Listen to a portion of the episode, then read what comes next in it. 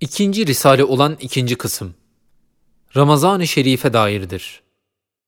Birinci kısmın ahirinde, şairi İslamiye'den bir nebze bahsedildiğinden, şairin içinde en parlak ve muhteşem olan Ramazan-ı Şerif'e dair olan bu ikinci kısımda, bir kısım hikmetleri zikredilecektir.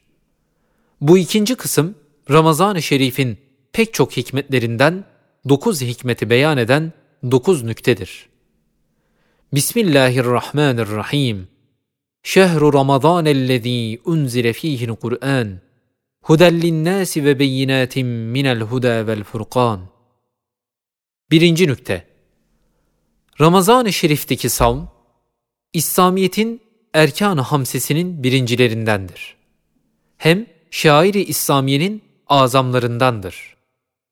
İşte Ramazan-ı Şerif'teki orucun çok hikmetleri hem Cenab-ı Hakk'ın rububiyetine hem insanın hayatı içtimaiyesine hem hayatı şahsiyesine hem nefsin terbiyesine hem niyam-ı ilahiyenin şükrüne bakar hikmetleri var. Cenab-ı Hakk'ın rububiyeti noktasında orucun çok hikmetlerinden bir hikmeti şudur ki, Cenab-ı Hak zemin yüzünü bir sofre-i nimet suretinde halk ettiği ve bütün enva nimeti o sofrada min haythu la yahtesib bir tarzda o sofraya dizdiği cihetle kemal-i rububiyetini ve rahmaniyet ve rahimiyetini o vaziyetle ifade ediyor. İnsanlar gaflet perdesi altında ve esbab dairesinde o vaziyetin ifade ettiği hakikati tam göremiyor, bazen unutuyor. Ramazan-ı Şerif'te ise ehli iman birden muntazam bir ordu hükmüne geçer. Sultan-ı Ezeli'nin ziyafetine davet edilmiş bir surette akşama yakın buyurunuz emrini bekliyorlar gibi bir tavrı ubudiyetkârane göstermeleri o şefkatli ve haşmetli ve külliyetli rahmaniyete karşı vüsatli ve azametli ve intizamlı bir ubudiyetle mukabele ediyorlar.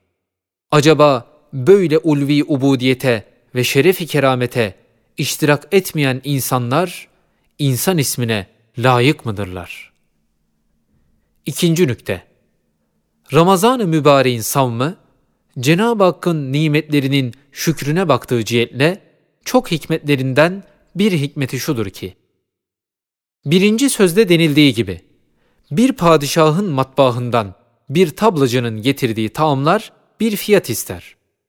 Tablacıya bahşiş verildiği halde çok kıymetdar olan o nimetleri kıymetsiz zannedip onu inam edeni tanımamak, nihayet derecede bir belahet olduğu gibi Cenab-ı Hak hadsiz enva nimetini nevi beşere zemin yüzünde neşretmiş. Ona mukabil o nimetlerin fiyatı olarak şükür istiyor. O nimetlerin zahiri esbabı ve ashabı tablacı hükmündedirler. O tablacılara bir fiyat veriyoruz. Onlara minnettar oluyoruz. Hatta müstahak olmadıkları pek çok fazla hürmet ve teşekkür ediyoruz. Halbuki mün'im hakiki o esbaptan hadsiz derecede o nimet vasıtasıyla şükre layıktır.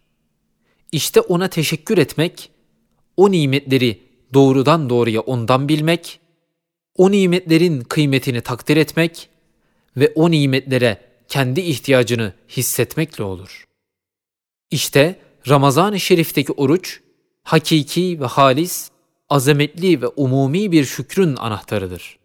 Çünkü sair vakitlerde mecburiyet tahtında olmayan insanların çoğu, hakiki açlık hissetmedikleri zaman çok nimetlerin kıymetini derk edemiyor.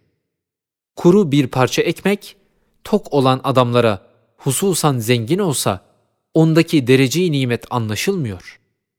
Halbuki iftar vaktinde o kuru ekmek, bir müminin nazarında çok kıymetdar bir nimeti ilahiye olduğuna kuvve-i zayikası şehadet eder. Padişahtan ta en fukaraya kadar herkes Ramazan-ı Şerif'te o nimetlerin kıymetlerini anlamakla bir şükrü maneviye mazhar olur. Hem gündüzdeki yemekten memnuniyeti cihetiyle o nimetler benim mülküm değil. Ben bunların tenavülünde hür değilim. Demek başkasının malıdır ve inamıdır. Onun emrini bekliyorum diye nimeti nimet bilir, bir şükrü manevi eder. İşte bu suretle oruç, çok cihetlerle hakiki vazife insani olan şükrün anahtarı hükmüne geçer. Üçüncü nükte. Oruç, hayat-ı içtimaiye insaniyeye baktığı cihetle çok hikmetlerinden bir hikmeti şudur ki, insanlar maişet cihetinde muhtelif bir surette halk edilmişler. Cenab-ı Hak o ihtilafa binaen zenginleri fukaraların muavenetine davet ediyor. Halbuki zenginler fukaranın acınacak acı hallerini ve açlıklarını oruçtaki açlıkla tam hissedebilirler. Eğer oruç olmazsa nefisperest çok zenginler bulunabilir ki açlık ve fakirlik ne kadar elim ve onlar şefkate ne kadar muhtaç olduğunu idrak edemez. Bu cihette insaniyetteki hem cinsine şefkat ise şükrü hakikinin bir esasıdır. Hangi fert olursa olsun kendinden bir cihette daha fakir bulabilir. Ona karşı şefkate mükelleftir. Eğer nefsine açlık çektirmek mecburiyeti olmazsa, şefkat vasıtasıyla muavenete mükellef olduğu ihsanı ve yardımı yapamaz, yapsa da tam olamaz. Çünkü hakiki o haleti kendi nefsinde hissetmiyor. Dördüncü nükte.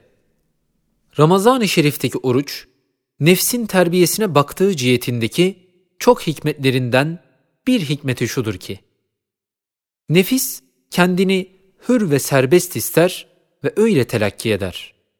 Hatta mevhum bir rububiyet ve keyfe mayeşa hareketi fıtri olarak arzu eder. Hadsiz nimetlerle terbiye olunduğunu düşünmek istemiyor. Hususan dünyada servet ve iktidarı da varsa, gaflet dahi yardım etmişse, bütün bütün gasıbane, hırsızcasına nimet-i ilahiyeyi hayvan gibi yutar. İşte Ramazan-ı Şerif'te en zenginden en fakire kadar herkesin nefsi anlar ki, kendisi malik değil, memlüktür. Hür değil, abdir. Emrolunmazsa en adi ve en rahat şeyi de yapamaz, elini suya uzatamaz diye mevhum rububiyeti kırılır, ubudiyeti takınır, hakiki vazifesi olan şükre girer. Beşinci nükte.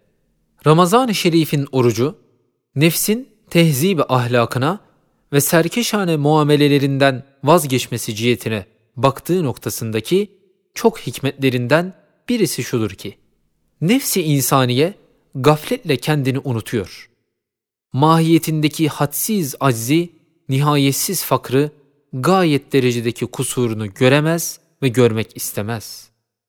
Hem ne kadar zayıf ve zevale maruz ve musibetlere hedef bulunduğunu ve çabuk bozulur, dağılır, et ve kemikten ibaret olduğunu düşünmez. Adeta polattan bir vücudu var gibi, layemutane kendini ebedi tahayyül eder gibi dünyaya saldırır. Şiddet bir hırs ve tama ile ve şiddetli alaka ve muhabbetle dünyaya atılır. Her lezzetli ve menfaatli şeylere bağlanır. Hem kendini kemali şefkatle terbiye eden Halık'ını unutur, hem neticeyi hayatını ve hayat-ı uhrevisini düşünmez, ahlak-ı seyyiye içinde yuvarlanır. İşte Ramazan-ı Şerif'teki oruç, en gafillere ve mütemerritlere zaafını ve aczini ve fakrını ihsas ediyor. Açlık vasıtasıyla midesini düşünüyor. Midesindeki ihtiyacını anlar, zayıf vücudu ne kadar çürük olduğunu hatırlıyor. Ne derece merhamete ve şefkate muhtaç olduğunu derk eder. Nefsin firavunluğunu bırakıp kemali az ve fakr ile dergah-ı ilahiye ilticaya bir arzu hisseder ve bir şükrü manevi eliyle rahmet kapısını çalmaya hazırlanır. Eğer gaflet kalbini bozmamış ise.